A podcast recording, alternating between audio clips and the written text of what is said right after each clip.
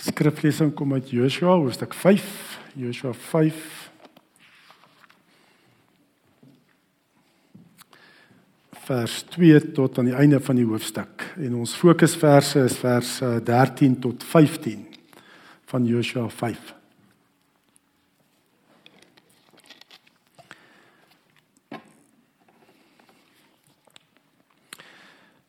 In die tyd het die Here vir Joshua gesê: Maak vir jou klipmesse en besny die Israeliete. Daar moet weer 'n besnydenis wees. Joshua het hom klipmesse gemaak en hy het die Israeliete besny. Die plek is genoem die heuwel van die besnydenis. En die rede waarom Joshua die besnydenis uh, moes uitvoer is die volgende: Die hele volk wat uit Egipte getrek het, die mans, al die weerbare manne, is op pad in die woestyn dood met die uittog uit Egipte. Al die mense wat destyds getrek het, was besny. Maar die mense wat in die woestyn onderweg gebore is tydens die uittog uit Egipte, was nie een besny nie. Die Israeliete het 40 jaar lank in die woestyn rondgetrek totdat die hele nasie uitgesterf het. Dit wil sê die weerbare manne wat uit Egipte getrek het en ongehoorsaam was aan die opdrag van die Here. Hy het destyds 'n eed afgelê dat hulle nie die land sou sien wat hy met 'n eed aan hulle voorvaders beloof het om aan hulle te gee nie, 'n land wat oorloop van melk en honing. Hy het daardie mense se kinders in hulle plek gestel en vir hulle het Joshua besny, want hulle was nog nie besny nie. Hulle is nie langs die pad besny nie. Nadat die hele nasie klaar besny is, het hulle eers in die kamp gebly totdat hulle gesond was. Die Here het vir Joshua gesê: Vandag het ek julle bevry van die smaad wat van Egipte se tyd af op julle rus. Josua die plek Gilgal genoem. Dit is vandag nog die naam. Terwyl die Israeliete nog in Gilgal in die kamp was, het hulle die Paasfees daar in die Jerigo vlakte gevier op die 14de van die maand in die aand. Die oggend na Paasfees, presies op die dag, het hulle ongesuurde brood en gebraaide koring van die opbrengs van die land geëet. Daardie oggend toe hulle van die opbrengs van die land eet, het die manna weggebly. Daar was nie weer manna vir die Israeliete nie. Hulle daardie jaar van die land Kanaan se eie oes geëet. En dan ons fokusverse. Joshua was naby Jerigo. Toe hy sien staan daar 'n man voor hom met ontblote swaard in die hand. Joshua het na hom toe gegaan en hom gevra: "Is jy aan ons kant of aan ons vyande sin?" Nee sê die man. Ek is die aanvoerder van die leer van die Here. Daarom is ek hier. Joshua diep gebuig van die man gesê: "Wat wil jy aan my, u dienaar sê?" Toe sê die leeraanvoerder van die Here vir Joshua: "Trek jou skoene uit, want die plek waarop jy staan is gewyde plek." Joshua het dit gedoen. Ja, ek lees in 'n lees in 'n boek van 'n Amerikaner wat vertel in April 1988 het hy die aand nuus gekyk en uh op hierdie nuus het hulle toe gewys 'n video van 'n ervare vryvaller, valskermspringer wat ook 'n kameraman is, ehm um, wat ook uitgespring het saam met 'n groep vryvallers om hulle af te neem. En hulle spring uit en dit gaan toe baie goed, nê, nee, en hy neem almal af en hulle hoe hulle formasie is en dan trek hulle uitmekaar uit om dan elkeen sy valskerm oop te maak. Jy kan nou nie by mekaar nie want kan jy goed kook. En hy neem hulle af en hy's so entoesiasties, hy's 'n ervare vryvaller. En hy's so entoesiasties oor sy kamera werk en alles is rustig. Hy neem af hoe die mense hulle valskerm oopmaak en toe skielik begin die video besurk, né? Nee, dit is net woes jy kan sien hier's paniek, gaan te kere. En die nuusleser sê toe ja dat hierdie kameraman het hom het self het hom ja het het eh, dood geval want toe hy wou gaan vir sy ripkort toe kom hy agter hy het nie sy valskerm aangesit nie in die vliegtyg nie. So hy was so ervare dat hy so gerus was oor valskerm spring en so entoesiasties oor hierdie kamera werk dat hy nie die regte voorbereidings getref het vir die sprong nie en het hy natuurlik doodgeval. En ehm um, niemand anderster kan jou valskerm vir jou dra nie. Niemand anders kon sy en sonder 'n valskerm help dit niks. En ek wil vir jou sê ook, daar's ander dinge ook wat ander mense nie vir jou of vir my kan doen nie. Niemand van ons kan in ons plek ons verhouding met die Here voorberei nie. Pas op dat ons ook nie so ehm um, entoesiasties is oor die dinge van die wêreld, nê. Nee. En so gerus is oor my ewige toekoms, nê, nee, want ek is mos 'n lidmaat van die kerk dat ek nie die regte voorbereiding tref vir 'n verhouding met die Here nie. Pas op daarvoor, want dit gebeur so maklik. Niemand anderster kan jou verhouding met die Here vir jou bou nie. Dis net jy wat daai voorbereidings moet tref. En ons moenie gerus raak. Ons moet ook nie so entoesiasties raak oor hierdie dinge van hierdie wêreld. En dan dink ek ek is ek is darem 'n lidmaat van die kerk, so alles is alright. Nee. Hierdie hele lewe hier op aarde gaan eintlik daaroor om voorbereidings te tref vir ewigheid saam met God. Dis waarvoor ons hier op aarde is. Weet jy, jy mens, ons sien dit nie baie raak in natuurlik in die nuus en al hierdie dinge nie, nê, nee, in die wêreld nie, maar dis waaroor hierdie lewe gaan. Dis 'n voorbereiding vir 'n ewigheid saam met God wat nou al kan begin, nê, nee, as jy die regte voorbereiding stel. Ehm um, en dan eintlik ons moet in vennootskap met God leef elke dag. Ah, vennootskap is eintlik nie goed genoeg nie. Jy moet onder sy krag en leiding leef want hy is die Here en koning van ons lewens. Nee, God moet jou elke dag lei. Vir jou wys wat is sy wil vandag vir jou lewe. Nee, hy is die koning, hy is die Here van ons lewens.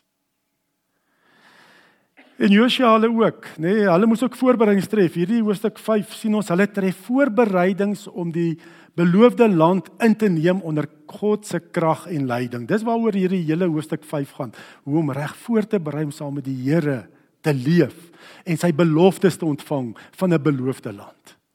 Nee, hy tref die voorbereidings. Eerstens, wat se voorbereiding tref hulle? Hulle word besny, nê? Nee?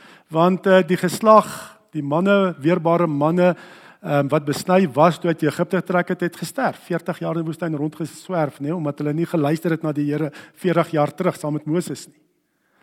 En hulle het uitgesterf en nou word hulle besny. God gee sy verbond teken aan hulle, verbondsteken aan hulle en hulle kry identiteit. Hulle behoort aan die Here. Die Here gee hulle 'n nuwe identiteit. En dan wat doen hulle daarna? Nader sê maar hulle is die Here se, nê. Hulle is nie slawe nie van Egipte nie. Daai smaad van die Here weg nê? Hulle vier die Paasfees. Hernie hulle toewyding aan die Here. Here, U is die koning van ons lewens. Ons gaan onder U krag en leiding die beloofde land ingaan. Hulle hernie hulle toewyding aan die Here. En dan is daar groot uitdagings wat gewag het, nê? Nee, jy dink dalk jou lewe het baie groot uitdagings gehad nou vandag, nê? Nee, oor die omstandighede en al die goed. Daar was reuse uitdagings wat vir hulle gewag het. Hierdie nomade volk, nê, nee, wat nie eintlik, hulle was nie soldate gewees nie. Hulle het maar rondgeswerf, woestyn nomades, nê? Nee. Hulle moet hierdie land inneem waar daar versterkte stede is en sommer die eerste stad wat hulle moet inneem, Jerigo, is 'n versterkte stad. Hy is een van die oudste stede in daai tyd wat al bestaan het nie. Hulle het gedink eintlik Jerigo is onoorwinbaar. Kan nie ingeneem word nie. Weet hulle sê die mure om Jerigo was by plekke 25 voet hoog en 20 voet breed. Nê, nee, so breed dat huise in die mure was, soos Ragab se huis was in die was in die muur.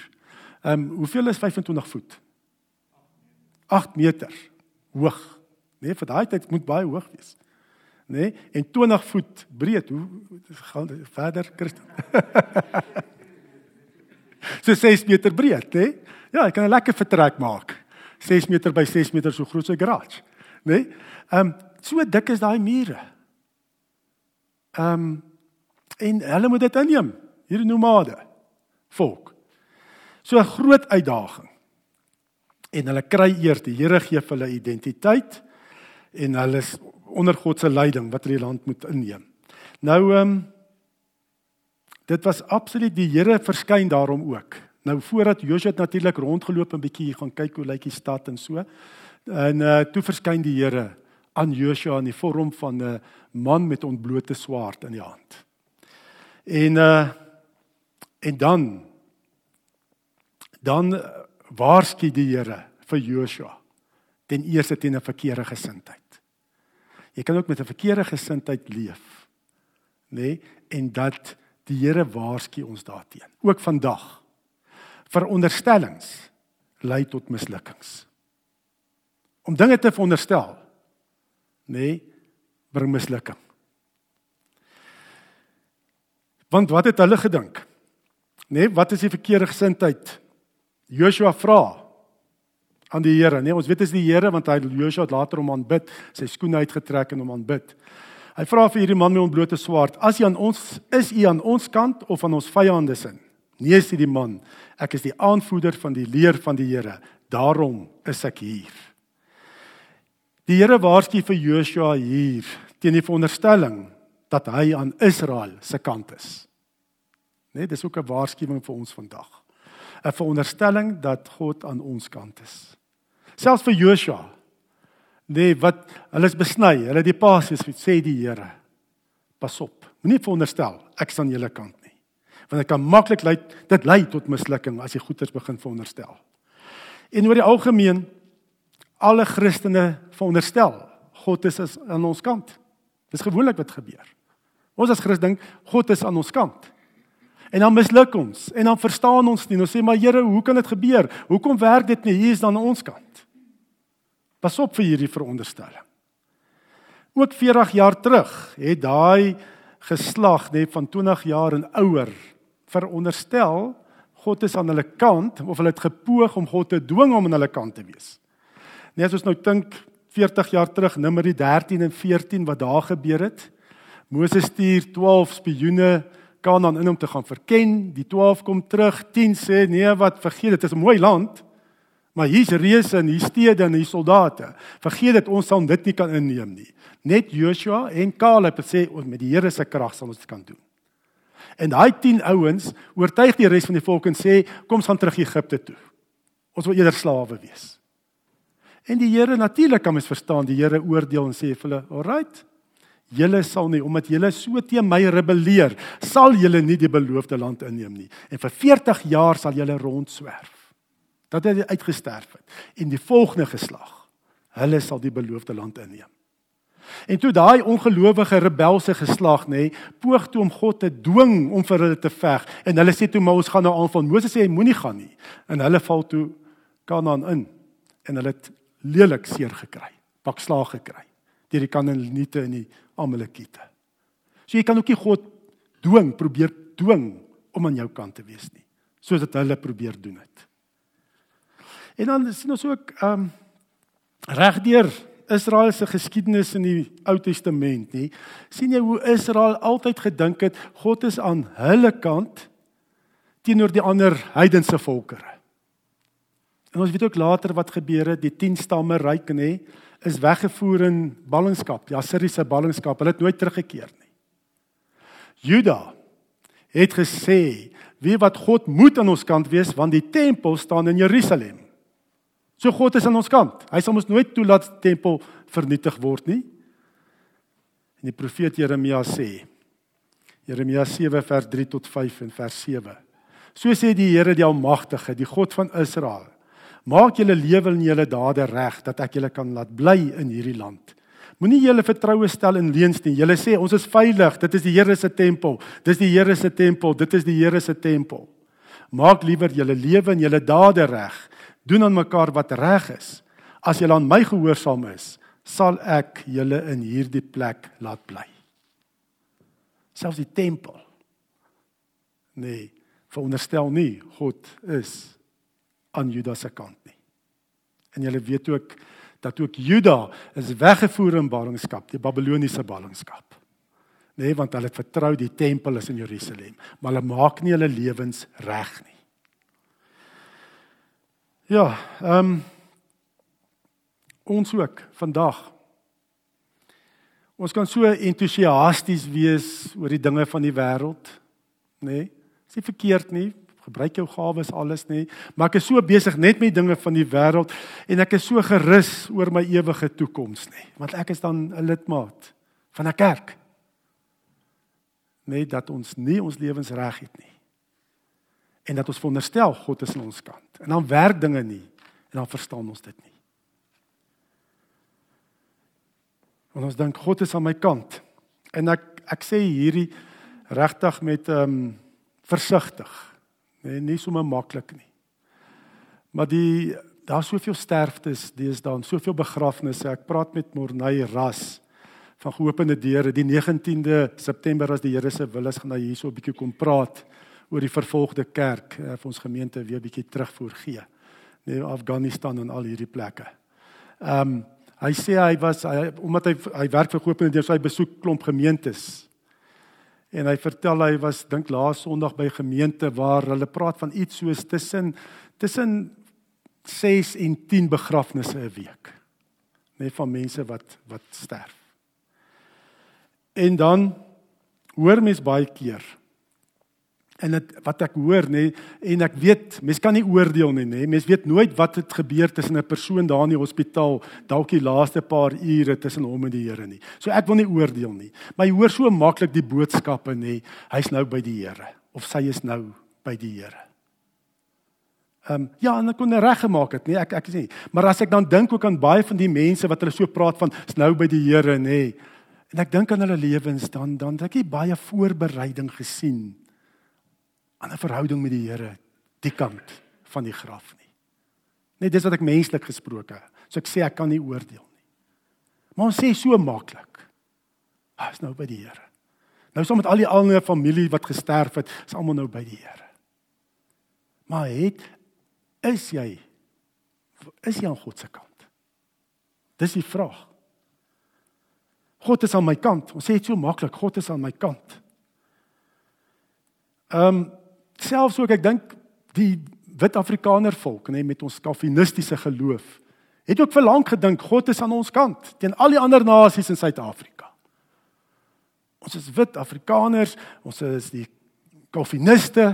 Dis nie verkeerd om dis reg, En ons gedink God is aan ons kant, maar waar staan ons nou teen al die ander nasies? Is God aan ons kant? Ag, mens kan nie eens eintlik sê dat 'n kerk dat God is aan die kant van die kerk vandag nie. Dit kan ons ook nie net eenvoudig sê nie. As mens net hoor wat sekere predikers en kerke verkondig, nê, nee, waar die Bybel bevraagteken word wat die ehm um, maaklike geboorte van Jesus nie erken word nie. Die opstanding van Christus nie erken word nie. Gesê word alle godsdienste aanbid dieselfde God. Is God aan die kerk se kant? Of waar eintlik dit gaan oor baie net prosperity, is God aan die kerk se kant? Gerard het nou gebid, nê, nee, Afghanistan hoe daai kerke groei. Nê, nee, dit gaan nie goed daar nie. Nie soos dit ons dink dit moet gaan in 'n kerk nie. Hulle kry swaar. Soos kan net sommer sê God is nie kant van die kerk ook nie. Ehm um, die teologie. Ja, Gerard stuur vir my so 'n video. Was seker die grootste bekendste Afrikaanse kweekskole in Suid-Afrika waar verkondig word, nee, en bevraagteken word die maagtelike geboorte van Jesus en of Christus opgestaan het en waar gesê word alle godsdienste aanbid dieselfde God. So ons hoef nie eintlik evangelisasie onder moslems te gaan doen nie, want Allah is ook God. Is God aan die kerk se kant? Ons kan dit nie outomaties sê nie. Sê dikke sulke dinge hoor nie. En hierdie vraag van Joshua is jy aan ons kant of aan die vyand se kant? Is eintlik 'n verkeerde vraag wat gevra word. Die vraag is nie of God aan ons kant is nie. Nee. Die vraag is, die regte vraag is, is ons aan God se kant? Nie of God aan jou kant is nie. Dat God homself onderwerp aan ons voorkeure en waarvoor ons staan nie. Nee, die vraag, die regte vraag is, is ons aan God se kant? Is jy hier waar ons volgens sit aan God se kant? Ehm um, sal ons ons onderwerp aan God? Dis die vraag, nie of God hom sal onderwerp aan ons sake en begeertes nie. En Joshua se reaksie toe die Here vir hom wys op hierdie verkeerde gesindheid nê, van dit gaan nie oor wie se kant ek is nie, is jy aan my kant nê? Hoe wat het Josua gereageer? Hy sê Josua diep gebuig en vir die man gesê: "Wat wil jy aan my, u dienaar sê?" Toe sê die leeraanvoerder van die Here vir Josua: "Trek jou skoene uit, want die plek waarop jy staan is 'n gewyde plek." Josua het dit gedoen. Dadelik toe die Here vir hom wys op hierdie verkeerde vraag, hierdie verkeerde gesindheid. Wat het hy gedoen? Hy het homself onderwerp aan die Here. Hy sê Here, wat wil U vir my sê? En hy het die Here aanbid. Dit is ons reaksie om aan God se kant te kom. Here, wat wil U vir my sê? En ek kan bid U as die God, as die Here van my lewe. Ja. Ons eien so maklik God vir onsself toe. En wat vir my so hartseer is wat onder Christene selfs gebeur die afgelope tyd oor die inenting van COVID, daarvoor of daarteen. Jy weet ons kerkraad het ook gesê ons spreek ons nie uit of jy dit moet doen of nie doen nie dat die Heilige Gees jou lei. So dis nie waaroor dit gaan nie. Maar waar so wat wat vir my so erg is dat dit soveel skeiding bring tussen gelowiges. En dat jy kom eintlik agter dat seker is wat daarvoor of daarteenoor sê maar God is aan my kant, nê? Nee, dis hoe ons reageer. Of ek daarvoor of daarteenoor is, maar ons eien maklik sê maar God is aan my kant. En ek veroordeel die ander wat nie doen wat ek doen nie. Pas op daarvoor om God sommer aan jou kant te plaas en dan die ander te veroordeel. Want God is mos aan my kant. Daarom kan ek hulle oordeel. Dis nie waaroor dit gaan nie. Is ek aan God se kant? Dis die vraag. Jy kan ingeënt wees of nie ingeënt wees nie. En jy kan nog steeds nie aan God se kant wees nie. Dit maak nie die saak nie. Jesus, onderwerp aan Jesus. Dis wat die verskil maak. As jy jou regtig aan God se kant plaas, dan laat jy die oordeel oor aan die Here dat hy sal reg oordeel oor sy kinders, oor sy onderdane. Ons is nie geroep om mekaar te veroordeel nie. God sal. Jy laat dit die Here oor.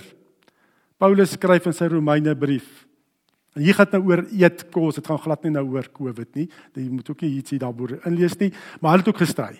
Aanvaar die een wat nie geloof swak is sonder om met hom te stry as 'n opvatting van jou 'n verskil. Een glo mens mag alles eet, ander is swak in die geloof en hy eet net groente. Wie is jy om oor iemand anders se bediende te oordeel? Sy eie werkgewer sal oordeel of hy goed doen of nie. Maar hy sal goed doen, daarvoor sal die Here sorg. Laat die oordeel oor aan die Here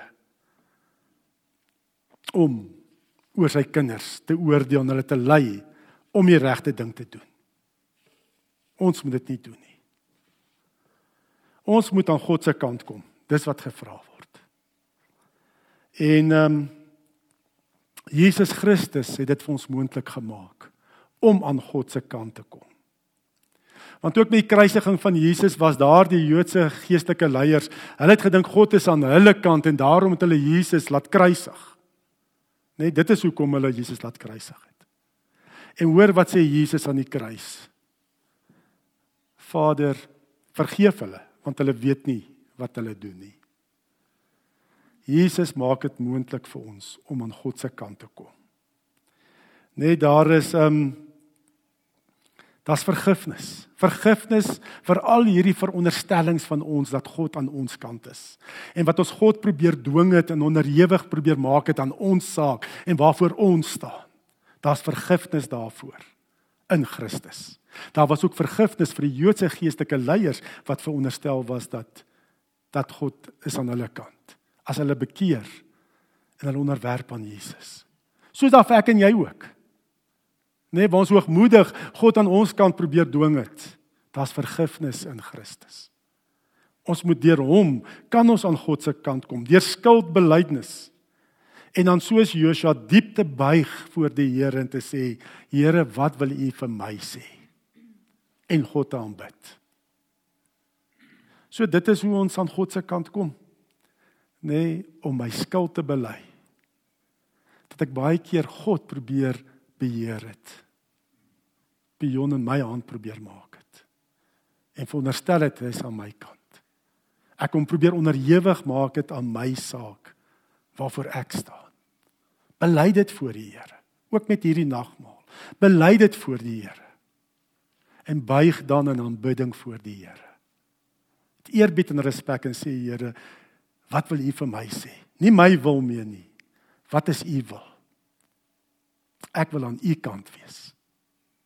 Dis hoe ons daar kom. Aanbidding. Neerbuig voor die Here. Dawid was 'n koning gewees, maar hy was 'n aanbidder gewees. En ek dink dis hoekom die Here ook sê hy was 'n man na God se hart. Né? Nee?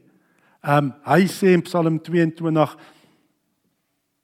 vers 4: U is tog die heilige wat woon waar lofsange van Israel weerklink. Dis die regte gesindheid. Nê nee, om God te aanbid. Here, nie my kant nie, wat is u kant?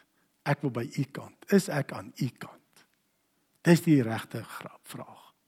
En dan die Here te aanbid. Vra Here, lei my, wys vir my. En ehm um, en dan, nee, dan is wonderwerke moontlik. Dan is wonderwerke moontlik wat ons hier lees in Joshua 6. Aan God se kant is niks onmoontlik nie.